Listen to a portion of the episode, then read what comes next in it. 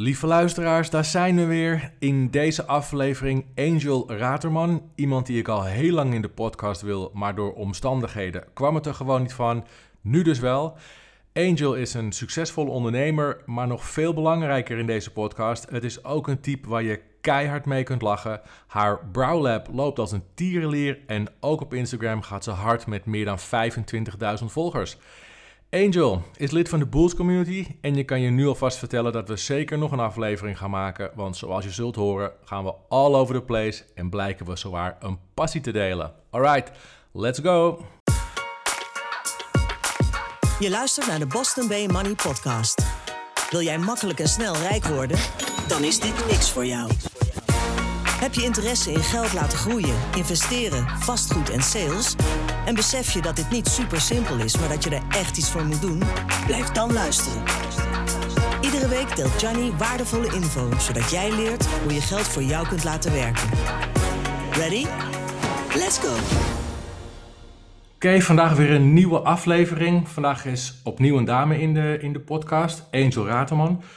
De mensen die haar ehm, volgen op Insta zullen haar uh, waarschijnlijk al kennen. Ondanks dat ze met een gesloten account werkt, maar daarover zometeen meer. Ze heeft geen LinkedIn, geen LinkedIn account. Dus voor de mensen die alleen op LinkedIn uh, zitten, is dit een, een, totaal nieuwe verschijning. Angel, tof dat je in de uitzending bent. Um, laten we beginnen bij het begin. Wat doe jij precies? Ja, dank voor de uitnodiging. Heel leuk. Wat ik nu doe is, ik heb een permanente make-up studio. En uh, ik voer dus permanente make-up behandelingen uit, vooral powderbrows. Maar ook eyeliners en lippen, dat doe ik niet. Dat doet een collega van mij. Ja. En dat is wat ik zes dagen per week zit te doen. Als een Chinese fabrieksarbeider. De hele dag hetzelfde. Echt als een autist. Maar supergoed. Ja, dat wou ik zeggen inderdaad. Want jouw bedrijf loopt als een mal, hè? Ja, ja, ik zit nu wel een beetje aan mijn, aan mijn maximale capaciteit. Als ik, als ik nog een paar armen kon kopen die ik aan mezelf vast kon naaien, zou ik het doen. Ik sta nu wel op het punt dat ik eigenlijk mensen erbij moet hebben. Maar uh, ja, ik zit nu aan mijn maximum, dus dat is wel heel tof. Heb je een idee hoe dat gaat oplossen? Uh, nou, ik ben, ik ben een beetje bang voor personeel. Ik weet niet goed hoe ik dat moet doen. Mijn moeder heeft een bedrijf, die heeft tien meiden in dienst. En wat ik in mijn dichte omgeving zie bij haar, dus is dat er eigenlijk wel altijd gezeik is. Misschien komt het omdat het alleen maar meiden zijn, maar dat denk ik niet. Ik denk dat je het ook hebt als je zowel man als vrouw in dienst hebt. Er is er altijd wel eentje ziek, of er is er eentje te laat, of die heeft, of de haar zit niet, dus ze kan niet komen werken, of het regent, of uh, en waar ik eigenlijk het allerbangst voor ben, dat is iemand in dienst nemen die zich dan na een week langdurig ziek meldt, weet je wel, dat soort Juist, ja. En daar ben ik gewoon te klein voor om dat soort dingen op te lossen. Dus wat ik nu heb gedaan is het zo lang mogelijk uitstellen en mezelf zo um, veel mogelijk uitknijpen om te kijken wat ik allemaal uit mezelf kan halen. En uh, ja, ik zit nu gewoon rustig af te wachten tot ik een, um, uh, hoe noem je dat? Een, uh, ZZP? burn-out krijgt. Oh ja. nee, dat gebeurt niet, want ik vind het nog steeds leuk. Maar ik wil eerst dit een tijdje doen. Totdat ik denk, ja, nu wordt het echt tijd om het, om het te gaan oplossen. Maar ik weet nog niet hoe. Ik zit eigenlijk meer te denken aan een constructie waarbij je met ZZP'ers samenwerkt. Zodat mensen wel verantwoordelijk zijn voor hun eigen inkomen. Maar ik haal wel heel makkelijk mensen binnen. Ja. Dat mensen dan bijvoorbeeld een referral via mij afstaan. Of, uh, ik weet dat nog niet precies. Maar ik denk dat het eerder die kant op gaat, omdat ik echt meiden in dienst neem. En misschien is het helemaal niet eng, maar ik heb er gewoon te weinig verstand van. Dit is wat ik in mijn nabije omgeving ervan ken. En uh, ja, daar word ik altijd heel vermoeiend van. Als ik die moeder van mij weer zie schuiven met personeel. En uh, ja. Ja, dat zijn, ja, met personeel komen ook een hoop problemen inderdaad. Ja. Ik heb ja, een, ze zeggen ook, dat wens je veel personeel toe, hè, als je elkaar ellende toewenst. Ja. Ik heb ook een leuk bedrijf gehad met uh, alles bij elkaar een mannetje of 13 en een super toffe office manager. Um, ik heb dat bedrijf bijna vier jaar gehad. Uiteindelijk heb ik verkocht. Uh, het is overgenomen. het was een ontwerpstudio. En daar, oh, zat een, daar zat een hele toffe office manager, zeg maar, slash mijn, mijn nou, niet secretaresse, maar meer mijn, hoe zeg je tegenwoordig, assistent. Ja. En die kreeg in die periode drie kinderen. Oh ja. Met geen pen te beschrijven. Die, uh, die, heb ik, die heb ik vaker niet gezien dan wel. Maar wel gewoon alles bij elkaar uh, 48 maanden doorbetaald. Ja, dat was, dat, dat dacht ik ook van, dat ga ik de volgende keer even anders invliegen. Geen, Ja, dat is ehm, helemaal kut. Kijk, het is ook zo, ik snap het, hè. Ik ben zelf ook moeder. Maar eh, ja, ik heb het anders geregeld. Ik heb gewoon iemand die fulltime op dat jong past. Maar eh, elke scheet die ze laten, dan moet die moeder voor naar huis. ja. Eh, laat staan dat ze ziek worden of griep krijgen. Ja, dus ik begrijp dat wel. Ja, Ja. ja, er valt altijd wel een kind van een wip of krijgt een bal tegen zijn pols met, eh, met gym en dan is het weer inderdaad naar huis. Ik snap het helemaal, maar het is, het is wel irritant. En jij, wij hebben het ook wel eens gehad over die, iets van een app-constructie of, jij, of iets dat jij wilde gaan, ehm, gaan laten maken, toch? Om eh, op die manier ehm, eh, additionele diensten te verkopen in plaats van nu dat je je tijd ruilt voor geld. Wat was het ook alweer? Eh, online trainingen? Ja, de- oh ja, ja zo, inderdaad, zo'n eh, zo'n serie van eh, video's of tutorials of zo. Ja, ja, een online training. Dat heb ik inderdaad bij een ander gezien die dat heel erg goed Oh ja. doet. En dat is misschien iets voor de toekomst, maar wat ik heel knap vind in haar, en dat is eigenlijk meer een stukje ondernemerschap, wat ik, wat ik echt ontzettend respecteer.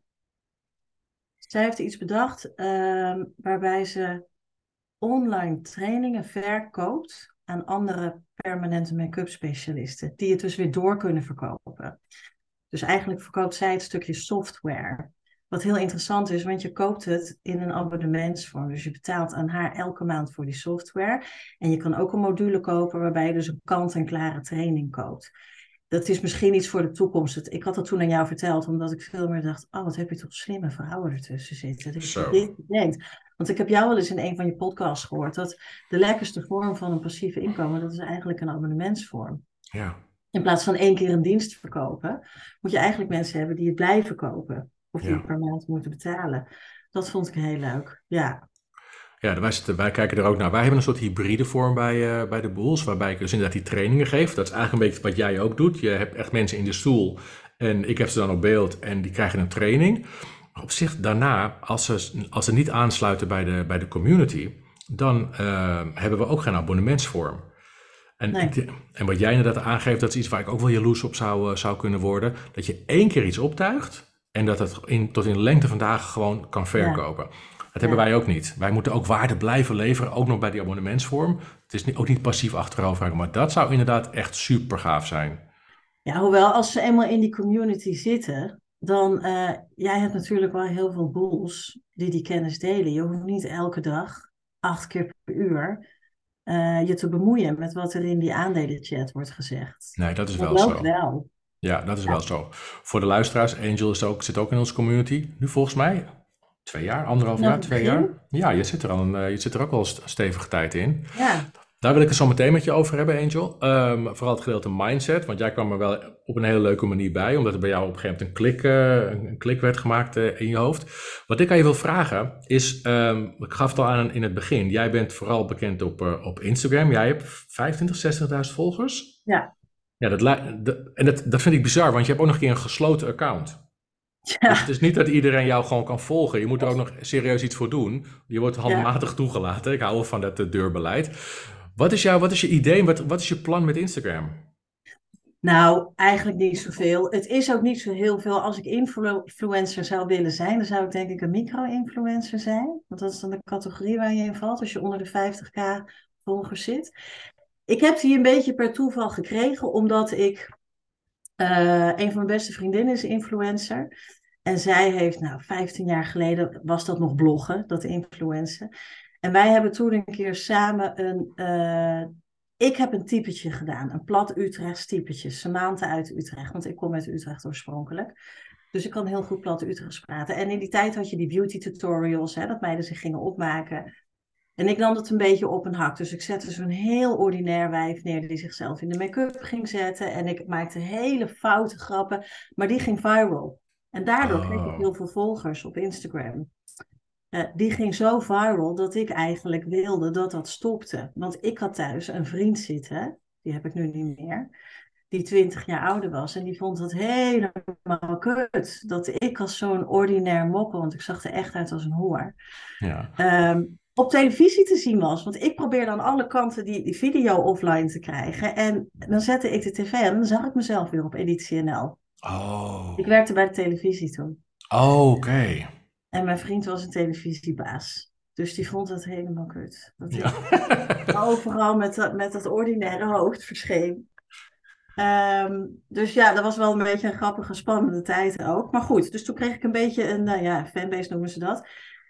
En ik zag al wel van, nou, ik heb nu zo'n club mensen die mij volgen. Wat ik ook ga doen in de toekomst, ik moet dat eigenlijk een beetje warm houden. Ja. Nou, toen heb ik ook nog een tijdje columns geschreven. Toen kreeg ik er nog meer volgers bij. Ehm, en het enige wat ik nu nog doe, is daar privé af en toe wat opzetten. En dan zit ik een beetje te klagen over het weer. Over het hebben van een kind. Over het hebben van stront onder mijn nagels. Ehm, over dingen die er in de wereld gebeuren. Dingen waar ik mezelf van irriteer. Het is eigenlijk een beetje een tegenhanger van de mooie kant van social media.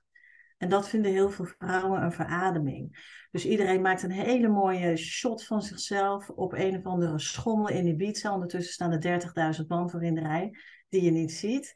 En ik was in november in Indonesië. Ik heb eigenlijk twintig dagen zitten klagen over hoe vreselijk het allemaal was. Ja. En dat brengt, levert me zo weer 800 of 900 of 1000 volgers op. Dus, en wat ik doe, want je denkt toch niet dat ik op mijn 42e die social aandacht nog nodig heb. Wat ik eigenlijk doe, is wat geven van mezelf.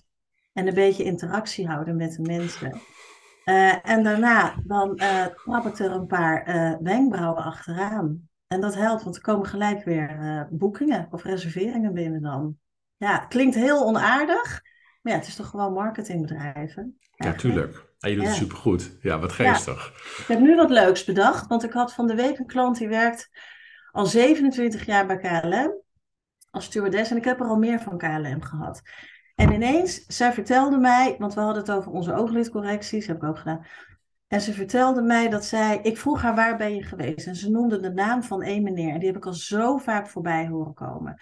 En zij zei, dat is eigenlijk waar alle KLM-meiden naartoe gaan, naar die man. En ik weet wie dat is, die zit in Maarsen, die doet er denk ik 20 per dag voor 900 euro. Zit de hele dag ogen te liften. Eh, en toen dacht ik, die persoon moet ik zijn, maar dan voor KLM. Ik Van de wil go-to chick zijn waar iedereen naartoe gaat voor die wenkbrauwen. Want er is een policy binnen KLM. Ik geloof dat stewardessen mogen hun brows niet in het buitenland laten doen. Oeh. Want er is gevaar dat ze dat opfokken en dat ze te diep werken of niet hygiënisch. Eh, dus, en dat is niet representatief. Dus ik dacht, zat s'avonds te denken, hoe kan ik dit nou doen? En toen heb ik tegen haar gezegd, als jij dit op de KLM Facebookpagina zet, Ja. want je hebt 15.000 stewardessen en er zitten er 7.000 of 8.000 op die pagina. Zo. En je zet eronder dat eh, als je stewardess bent bij de KLM en je boekt bij mij een behandeling, krijg je 100 euro korting als je het resultaat, resultaat deelt op die pagina. Ik dacht, nou, dat heb ik toch leuk bedacht.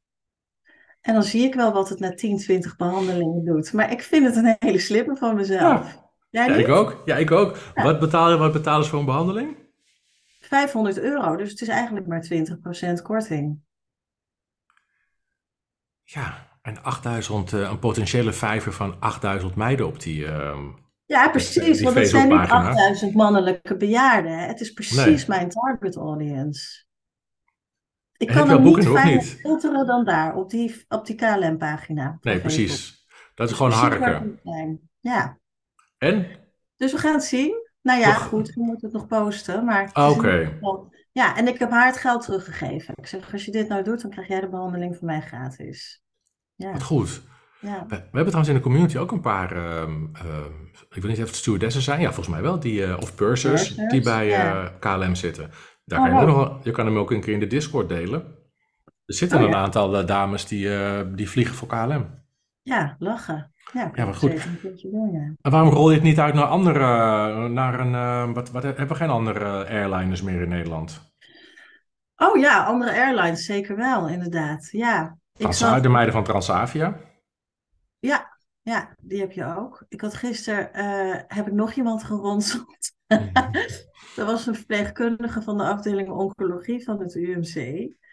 Zegt, nou, ik geef je 100 euro korting. Ah, Ik vind het gewoon heel erg klinken ook. Want het zijn natuurlijk hele zware dingen die daar gebeuren. Maar dat zijn wel vrouwen die haren aan het verliezen zijn. Ja, Ze zei, weet je, ik ga wel aan mijn leidinggevende vragen of, eh of jij folders kan laten drukken. Dan kan ik die hier in die rekken stoppen. Ik heb best wel veel kankerpatiënten al behandeld ook, hè.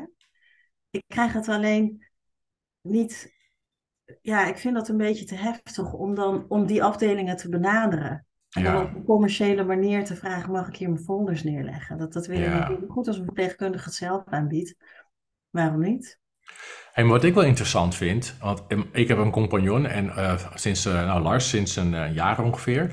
Want ik liep tegen hetzelfde aan als jij. Het verdienmodel was op zich wel oké, alleen ik kon het werk niet aannemen, Uppie. Ehm, ik ben wel goed in sales, maar minder goed in marketing. En hij bij hem precies andersom.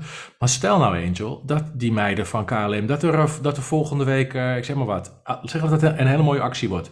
En er komen 900 boekingen binnen. Wat ga je dan doen? Ja, dan heb ik een hele lange wachtlijst. Bizar lang. Ja, ik, had een, ik weet wel een beetje hoe, eh, hoe dat werkt met die wachtlijsten, want ik heb meestal een wachtlijst van drie maanden. Maar ik heb laatst mijn capaciteit weer verhoogd, want ik ben van drie naar vier behandelingen per dag gegaan. Nu ben ik één maand vooruit volgeboekt. En ik wacht elke keer tot ik drie maanden vooruit ben volgeboekt en dan ga ik weer een nieuwe stap zetten. Dus als ik nu weer drie maanden vooruit ben volgeboekt, dan ga ik kijken naar ander personeel en of er mensen zijn die mij kunnen helpen of die hierbij willen komen. Daar ben ik nu nog niet. Maar ja, ik zou dat niet kunnen oplossen. Het is niet dat ik dan 3000 extra producten kan bestellen om het maar gauw door te sturen. Het is toch een dienst die uit mijn handen moet komen. Ja, En dat is ook wel.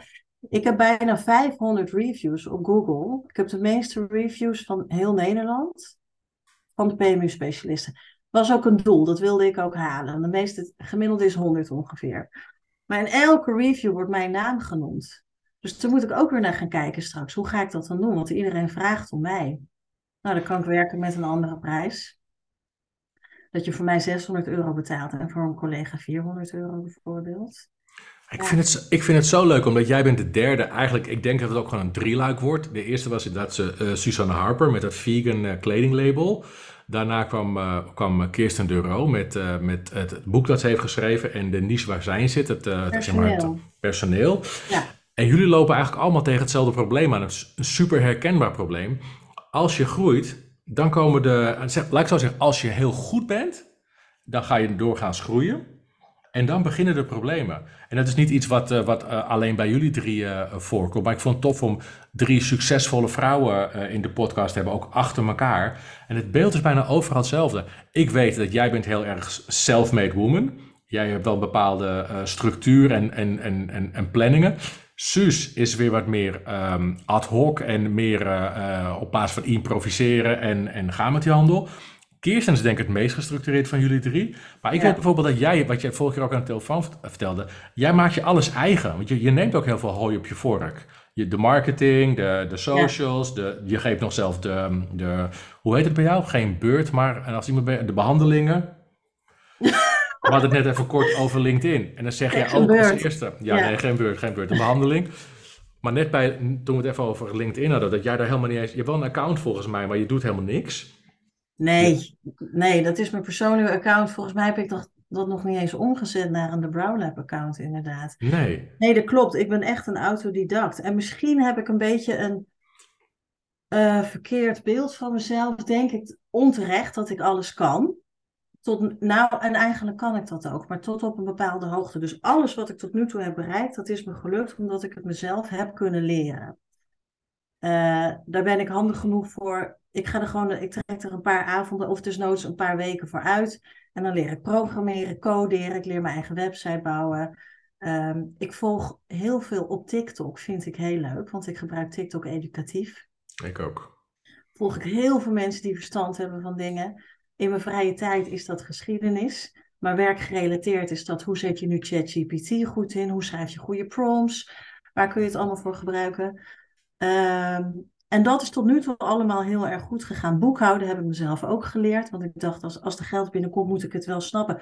Vroeger flikkerde ik het echt letterlijk in een vieze Albert Heijn tas. Waar nog net geen kattengriet in zat. En gooide ik het naar mijn boekhouder. En had ik geen flauw idee, joh.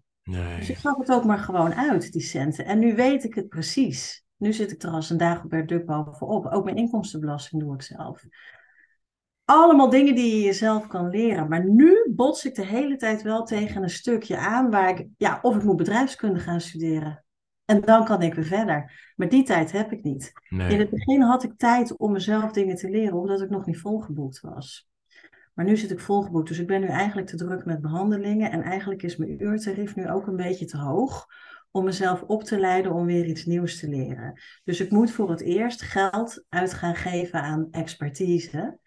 En dat vind ik een beetje moeilijk, want ik dacht altijd, ja, hoezo kan een ander dat beter dan ik? Maar Ja. goed, het is heel simpel, omdat ik er gewoon de tijd niet meer voor heb. Nee, ik snap het. Maar dat, dat viel me ook net op toen ik zei van wat, wat is je plan met LinkedIn? En dat eerste wat jij dan aangeeft is dat je zegt van ja, dan moet ik echt wel een week uittrekken om het dat eigen te gaan maken. Het is, niet- het is Ja. niet de eerste klik die jij maakt van ik moet iemand inschakelen om dat profiel voor me op te tuigen.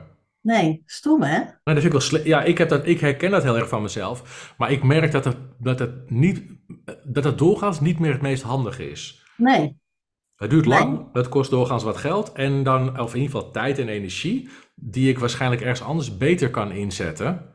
ja, Maar ik herken het heel erg. Het is vooral bij ons Lars die constant met externe aankomt. Van John, we moeten die inschakelen en die inschakelen. En voorheen deed ik ook alles zelf. ja. Ja, het komt denk ik een beetje. Ik ben, ik ben 15 jaar personal executive assistant, personal of executive assistant geweest. Hè? Dus ik werkte altijd één op één voor een CEO bij de televisie. En dan zie je alles als PA. Je ziet alle facturen, je weet precies wie er wordt aangenomen, wie eruit gaat, wat dingen kosten, wat de budgetten voor volgend jaar zijn. Nou, dan werd er echt, er werd er weer een of andere Mongool aangenomen. En die ging dan even met het team. Toen vlogen we met z'n allen naar Barcelona, bleven in een hotel. En die ging dan met het team sessies doen. Ja. En dan ging dat, eh, nou, gaan jullie maar even aan de rechterkant van de kamer staan. En jullie aan de linkerkant. Dan trekken we hier een denkbeeldige streep. Het ging helemaal nergens over. En die stuurde facturen van 20.000 euro. En daar, dat, ik heb, dat is wat er een beetje bij mij is gebeurd. Dat ik denk, ja, maar ik, ik ga toch geen mensen betalen die, die zichzelf coach noemen. Eh, of, of expert eh, op het gebied van iets wat ik heel makkelijk zelf kan leren. En hoe ben je bij mij terechtgekomen dan? Want bij mij heb je wel betaald. Weet ik, ja, ik vond jou heel lekker down to earth en ik vond je taalgebruik ook lekker en je schold een beetje lekker. Ehm, ja, ik dacht, dit is niet iemand die eh, eh, in de WW zit en dacht, nou, ik ga eens even eh, mezelf financieel coach noemen of financieel vrije coach noemen. Nee, dat precies. ik niet. Ik geloof jou, maar dat komt denk ik vooral omdat je jezelf bent. En niet denkt, oh, nu staat er een microfoon en dus nu moet ik netjes gaan doen of me aangepast formeel gaan gedragen. Nee, precies. Tenminste, dat is wat het bij mij heeft gedaan. Maar ik denk ook bij andere mensen hoor. Ja, ik denk het ook. Maar het, ver- het verbaast me inderdaad, omdat ik...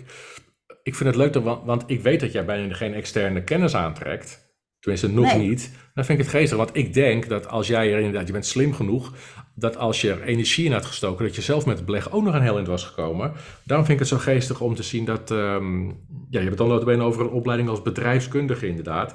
Terwijl je bij mij wel redelijk snel eh, aan boord... was. Ik, denk, ik heb niet het idee gehad dat je heel lang hebt getwijfeld... en dacht van nou, eh, zal ik zelf Nee, eens gaan weet je nog uitzoeken. dat ik aan het smeken was bij jou?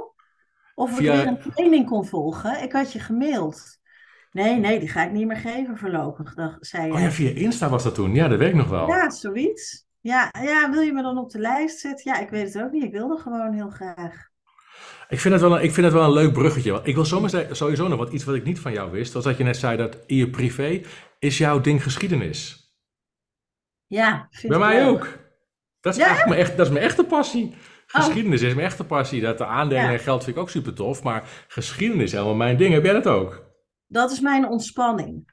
Dus ik weet alles over het oude Rome, over de oude Egyptenaren.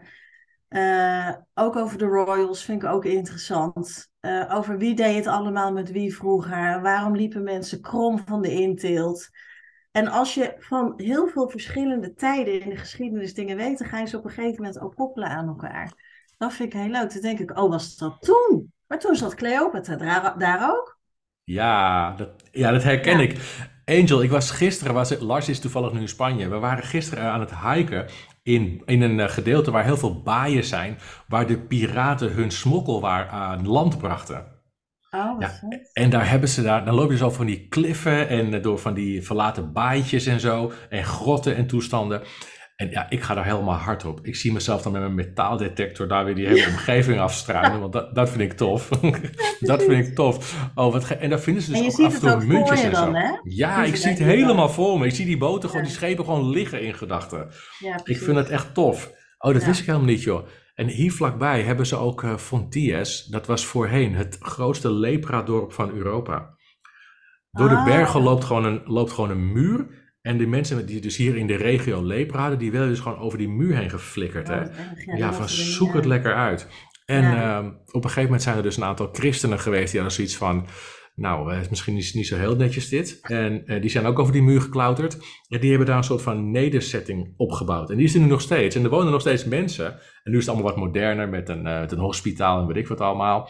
Er wonen geen lepra-mensen meer. Maar de, de, er is nog steeds een hele aparte sfeer. Ja, Dat nou vind ik dus gaaf. heel veel mensen overleden in die tijd, ja. Ja. Oh, wat, Ja. Ik wist niet dat jij ook, ook Egypte en Romeinen, wat gaaf. Ja, Rome is mijn favoriet. eh, en ik moet nog naar Pompeii en dat ga ik deze zomer denk ik doen. Nee, nee, niet, want het is daar 400 graden. Ik moet dat doen in een maand dat het niet zo bloedverziekend heet is. Ja, en eigenlijk niet in, niet in juli of augustus. Eigenlijk moet je dat lekker in mei of in september Ja. of zo doen. Ja, precies. Ja. Dus dat doe ik in mijn vrije tijd. Leuk. 10 minuten per dag voor. Dan zit ik even van die lekkere hapklare weetjes te kijken, weet je wel. Ja. Ga jij ook hard op die TikTok-filmpjes die een beetje die, eh, beetje die conspiracy-achtige situaties... Ik zag laatst een hele mooie. Ik zit nu dingen te leren over de Sphinx en et cetera. En ik vind bijvoorbeeld ook tof hoe die piramides zijn uitgelijnd. En ik zag dus laatst een heel verhaal over dat die piramides misschien wel eens een soort van energieopwekkers geweest kunnen zijn. Nou, dat vind ik wel vet. Maar ik had één keer vroeger, voordat ik mijn huidige vriend ontmoette, had ik een date. En hij zag er zo leuk uit, joh, op die foto's. Nou, hij belde aan, volgens mij was het een kleine jood met rood haar. Kwam mij ophalen in zo'n rood, in zo'n green wheels, weet je wel. Ja, ja, ja. Is helemaal niet erg. Ik dacht, prima, je woont waarschijnlijk midden in Amsterdam aan de grachten. Snap ik dat je geen auto hebt. Eh, was geloof ik 1,50 meter. Ook allemaal niet erg, maar we zitten ergens. Toen bleek het A, een vegetariër te zijn. Ja, no offense to alle vegans die zitten te luisteren, of vegetariërs. Maar ik vind dat ongezellig. Ja. Eh, maar het, het ergste komt nog. Op een gegeven moment vertelde ik dus dat dat mijn hobby is. Hè. Vind ik leuk. En dat ik, dat ik dus in dat Egypte heerlijk dagenlang in die musea heb rondgelopen. Toen zei hij, maar weet jij wel dat de Egyptes niet gebouwd zijn door de oude Egyptenaren? Toen dacht ik, godvernee toch? Ik zeg, door wie dan? Dat is buitenaards leven heeft dat gedaan. Ja, toen was ik toch wel heel gauw klaar. Angel, Maar ik geloof dat ook. dat jij dat ook gebruikt. Ja, ik geloof dat ook. ja. Wat goed. Je hebt de liefde van je leven laten schieten, gek. Precies. Ik geloof dat ook. Ik heb, Nou. even scheid aan de luisteraars. We dwalen totaal af, maar het kan me niks schelen. Want Ja. hier moeten we even over hebben. En misschien vinden mensen het ook wel leuk om naar te luisteren. Ik geloof dat dus ook. Ik, ik weet ook niet hoe die dingen precies zijn gebouwd. Maar ik, ik geloof dus ook op... Ja, ik geloof ook in buitenlands leven. Maar ik Ja, geloof dat dus geloof ook dat ze hulp hebben gehad. Dat ze, dat ze, waarom hebben ze het in godsnaam gebouwd, joh? Ik geloof ook oprecht dat ze hulp hebben gehad. Ik las dus bijvoorbeeld laatst, dat wist ik helemaal niet. gebouwd? Omdat het narcisten waren. Omdat ze 6000 slaven tot hun beschikking hadden om die piramides voor ze te bouwen. Maar het is natuurlijk wel hartstikke knap allemaal. Als je bedenkt hoe primitief ze toen nog waren. Hey, maar je ziet ook, ook van die fo- foto's van die snijlijnen, hoe die blokken zijn Ja. gesneden. Dat, nee, Ja. dat lijkt wel gewoon met een laser gedaan, joh. En dan ga ik twijfelen. En ik vind het ook tof om het te geloven, moet ik eerlijk zeggen. Ja, maar jou vind ik een slimme jongen. Dus nou ga ik toch weer twijfelen. Want ik- denk ik, ja, als hij het zegt, dan heb ik misschien iets over het hoofd gezien. Wat ik wel weet, is dat wij als mens nog zo fucking vroeg in de beschaving staan. We komen echt nog maar net kijken. We weten Ja. nog helemaal niks. Dus het zal me niks verbazen als over 60 jaar blijkt dat het allemaal wel zo is. Dus ik sta er wel voor open. Alleen op dat moment dacht ik, Ja, jezus, tuurlijk. het is voor wappie, joh. Ja. Ik had dat laatst met iemand die begon, eh, ik geloof dus niet in reïncarnatie. En ik ging eten met een eh, jongen hier verderop op de berg. Werkt toevallig ook bij als purser. En ehm, eh, we zitten te eten en ik had, nog- ik had wel een klik met hem, maar we hadden nog niet echt diepgang gehad. Het was allemaal nog redelijk, eh, we spelen wel eens kolonisten van Catan en het is allemaal hartstikke gezellig, maar we hadden nog nooit echt een iets wat dieper gesprek gehad. En hij begon in één keer aan tafel over reïncarnatie. En toen had ik dus inderdaad zo'n momentje wat jij net beschrijft, dat ik dacht, oh, dat ga je niet menen. Oh, kut. Ja. Maar hij, kon het, hij triggerde mij, want hij kon er wel echt met heel veel passie over praten. En hij geloofde het ook oprecht. En gaandeweg dat gesprek, Angel, had hij toch een aantal punten die mij triggerden. Ik dacht, ja, kut, misschien is het wel zo. Ja. Dan, ga, dan ga ik s'avonds toch even op Google zitten. Dus ik lig in mijn bed aan met mijn telefoon s'avonds. En Mirel ligt dan al lekker te knorren. En dan ga ik toch eens even, even stiekem kijken naar de reïncarnatie. En denk, ja, Ja. ik weet het ook gewoon niet. Waarom ook niet? Nee. En dan kom je een verhaal tegen waarbij een jochie van zes tegen zijn ouders zegt: Ik ben vermoord, ik ben daar begraven, daar ligt het moordwapen. En de moordenaar woont er verderop. En ze gaan graven en ze vinden daar een lijk en een moordwapen en een meneer die het heeft gedaan. En dan ga je toch weer een beetje twijfelen. Ja, ga ik Ken twijfelen, je dat ja. verhaal niet? Nee, dat ken ik ook echt niet. Is het echt zo? Ja, ja dat is er echt eentje. Ja, dat ja zoeken. super interessant allemaal. Ja, dat vind ik leuk. Dat vind ik leuk. Oh, ik hoor al dat er misschien nog een podcast in zit met jou. Dit is geestig. Dit is goed. Hey, ik wil nog één keer een, een klik maken. ehm, of een, een overgang maken. Super slecht bruggetje. Eigenlijk helemaal geen bruggetje. Maar ehm, jij bent op een gegeven moment bij ons gekomen. Omdat jij een klik maakte in je mindset. Jij hebt me wel eens verteld. Nou, ik weet dat jij gewoon. Jij verdient gewoon lekker. Moet er ook niet moeilijk over doen. Jij verdient gewoon lekker. Eh, net als ik. Doe ik ook niet moeilijk over. En, maar jij gaf het allemaal uit aan shit. En op een gegeven moment, dus dat heb je me ook wel eens eh, via Ja. briefje gestuurd. Op een gegeven moment maak jij een klik van, ik moet het anders gaan doen. Wat, wa- waar, waar ontstond dat? Door corona. Oh. Het was, toen had ik die centen nog niet eens hoor, in die periode. Alleen, ik, ik was gewoon altijd in loondienst, hè, die 15 jaar. Dus dan leef je van salaris naar salaris en je houdt eigenlijk nooit wat over. Hmm. Ehm, toen was corona er en toen moest ik dicht, want ik was al begonnen met die Brow Lab. En ik had dus op dat moment niet zo heel veel te doen, want ik kon geen klanten behandelen. Toen ben ik eigenlijk uit verveling. Toen kwam ik een krantenartikel tegen waarin werd gezegd dat steeds meer vrouwen beginnen met beleggen. ja. En toen had ik een paar duizend euro voor het eerst in mijn leven. Echt geen tonnen, echt maar een paar duizend euro. En ik wist niet zo goed wat ik ermee moest doen, want ik was ook al te oud om het uit te willen geven aan Rolexen en zo. Dat Ja. interesseerde me op dat moment al niet meer zo. Eh, en toen ben ik een beetje gaan googlen. En met een, ik, ik weet niet meer hoe met een omweg bij jou terechtgekomen. Ik denk toch al via de podcast. Ja. Oké. Ja. Nou, daar heb ik er een paar van geluisterd. Eh, die vond ik heel leuk. Ehm, en die eerste paar weken, dat kan ik me nog goed herinneren, heb ik al die informatie opgezogen hè, die we leerden in de aandelentraining. Eh, want ik had die paar duizend euro die ik kon gaan uitgeven. Het voelde gewoon als shoppen. Dat was het leuke aan beleggen voor mij. De, de, de kick die het me gaf, die was eigenlijk net zo lekker als wanneer ik het bij Zalando uitgaf. Was net zo leuk. En eh, wat ik fijn vond aan die aandelentraining is dat ik eigenlijk 90% al niet meer weet en ook niet toepas. Maar wel op dat moment eventjes alle kennis nodig had om Ja. vervolgens te kunnen besluiten, oké, ik ben dus een hele saaie, veilige belegger. Het gaat voor mij om de lange termijn. Ik heb geen tijd en ook geen zin om aandelen te analyseren, maar ook niet om elke, elke dag te kijken hoe het ermee gaat. Dus als je nu naar mijn portefeuille kijkt, is die echt heel saai. En zit er bijna geen beweging in. Maar hij groeit wel heel hard. Niet door het rendement, maar gewoon omdat ik elke keer maar dat geld erin blijf pompen. En dat is een beetje, denk ik, de boost geweest. Want je ziet het zo snel groeien. Ja. Ook omdat er meer geld in mijn bedrijf kwam natuurlijk. En ik er steeds meer in kon doen. Eh, en ik ben ook keihard erin gegaan. Dus ik weet heus wel dat je een buffer moet hebben. Ik dacht, nee, die sla ik over. Het gaat gewoon allemaal daarin. Als ik ooit een buffer nodig heb, dan haal ik hem er wel weer uit. Want ik heb wel een grote cashpositie. Ehm, dan kan ik die daaruit halen zonder aandelen te hoeven verkopen. Maar dat is het eigenlijk. Dus de aandelentraining, ik had gedacht toen ik dat ging doen, ik word echt een hele goede belegger, want ik ben een vrouw en ik ben veilig en ik overzie alle risico's veel beter dan al die mannen die Tesla en Alibaba doen. En uiteindelijk heeft het iets heel anders teweeggebracht. Het is dat ik veel beter met mijn geld eh, om ben gaan gaan, maar vooral ook dat er veel meer geld naar me toe kwam. Ja. Maar goed, dat, dat wordt dan toch weer een beetje spiritueel en dat ben ik helemaal niet. Ik zit ook niet 's ochtends om zes uur in een miracle morning allerlei affirmaties te roepen. Helemaal niet. Maar soms denk ik wel, tering hé, ik zet een raam op een kier en het, het stroomt gewoon weer naar binnen. Ja. Bizar is dat, hè? ja, maar ja, ondertussen denk ik dan ook ja, maar ja, je werkt er ook voor. Dus ik kan het dan ook wel weer heel rationeel maken voor mezelf. Maar soms sta ik er wel eens van te kijken, ja. Ja, want ik heb al die jaren stond ik gewoon standaard rood. Ik stond gewoon altijd 2000 euro rood. Dat was eigenlijk op mijn rekening, kon ik maximaal 2000 rood staan. Dus al die jaar, ik ben heel goed geworden in achteruit rekenen.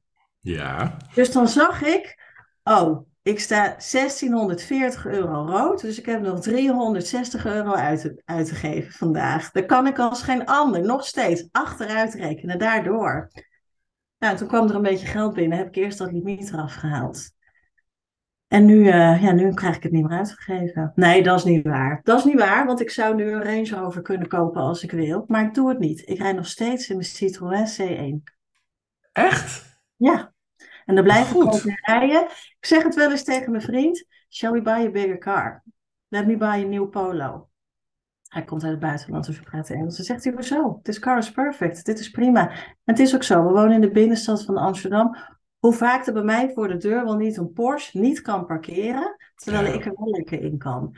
Dus waarom zou ik in een dure auto gaan rijden? 1 liter, een 1 liter of 900 cc, ik heb er geen verstand van. Ik heb de goedkoopste, lichtste auto gekocht. Dus ik waai ook echt weg als het waait op de snelweg. Ja.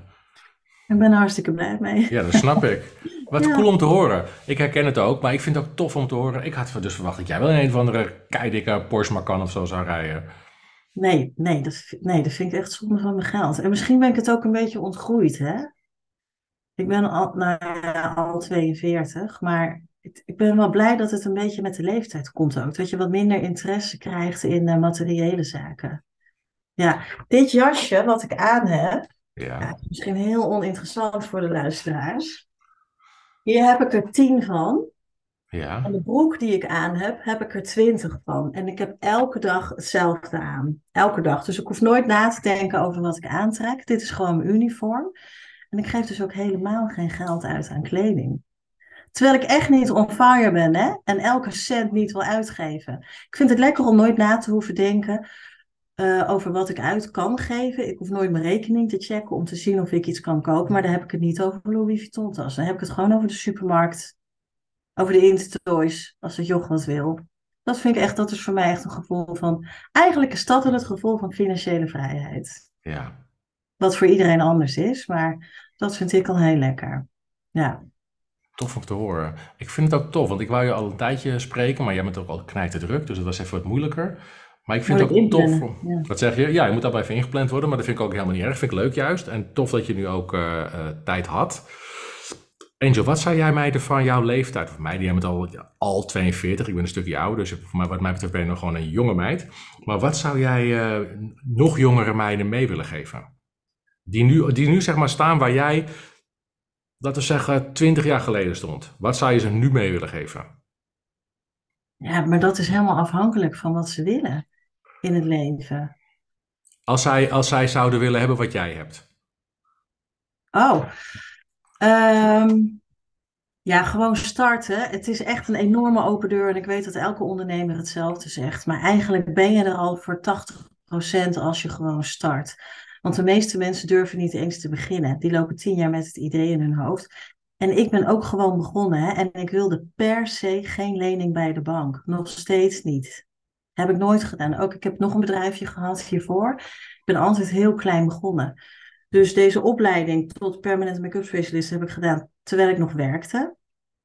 Dus dat ik mijn vaste inkomen bleef houden. Ja. Um, um, nou, en de zaak inrichten, ja, heel goedkoop. Ik ben ook gewoon begonnen met een tweedehands marktplaatsbehandelstoel. Ik heb nu een hele dure elektrische. Maar heel klein beginnen. Maar dat is voor iedereen verschillend. Hè? Als jij wel uit een ondernemersfamilie komt, dan sluit je met gemak een grote lening af bij de bank. Dan ben je daar niet bang voor. Ik ben daar bang voor. Ik wil dat niet, schulden. En ik weet dat de hele grote jongens en investeerders zeggen: de hele rijke mensen hebben alleen maar schulden. Maar ja, daar hoor ik gewoon niet bij. Dus ik ga het lekker overzichtelijk. Ja, mijn enige advies is eigenlijk: ja, start gewoon en start klein. En hou het overzichtelijk voor jezelf. Wat ja, je ook doen. Ja. Dat is een goeie.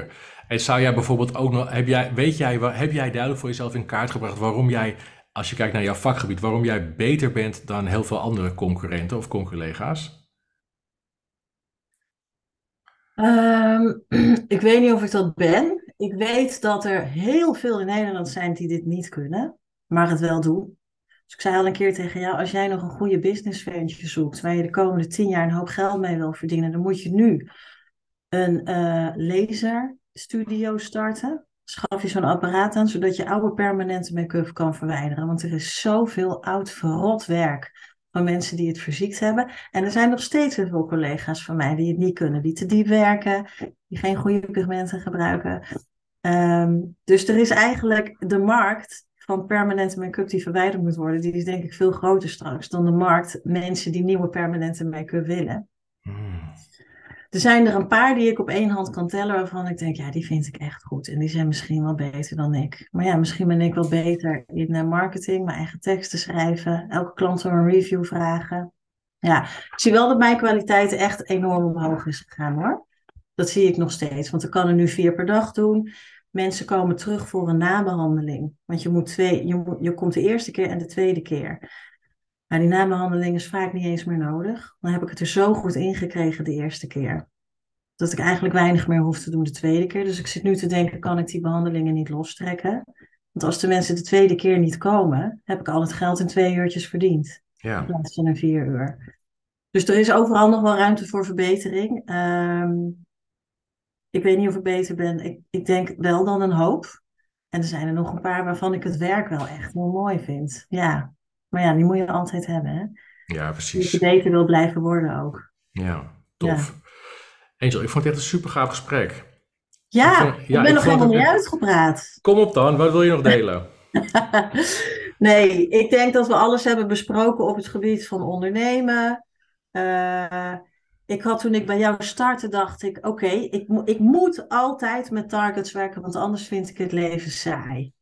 Dus ik moet zoveel reviews voor het eind van het jaar. Elke keer overtref ik mezelf weer. Ik wil van dit aandeel zoveel geld erin hebben. Ik wil in totaal zoveel in mijn portefeuille hebben. Ja, dat lukt heel snel de laatste tijd. Dus ik moet altijd weer een nieuw target hebben.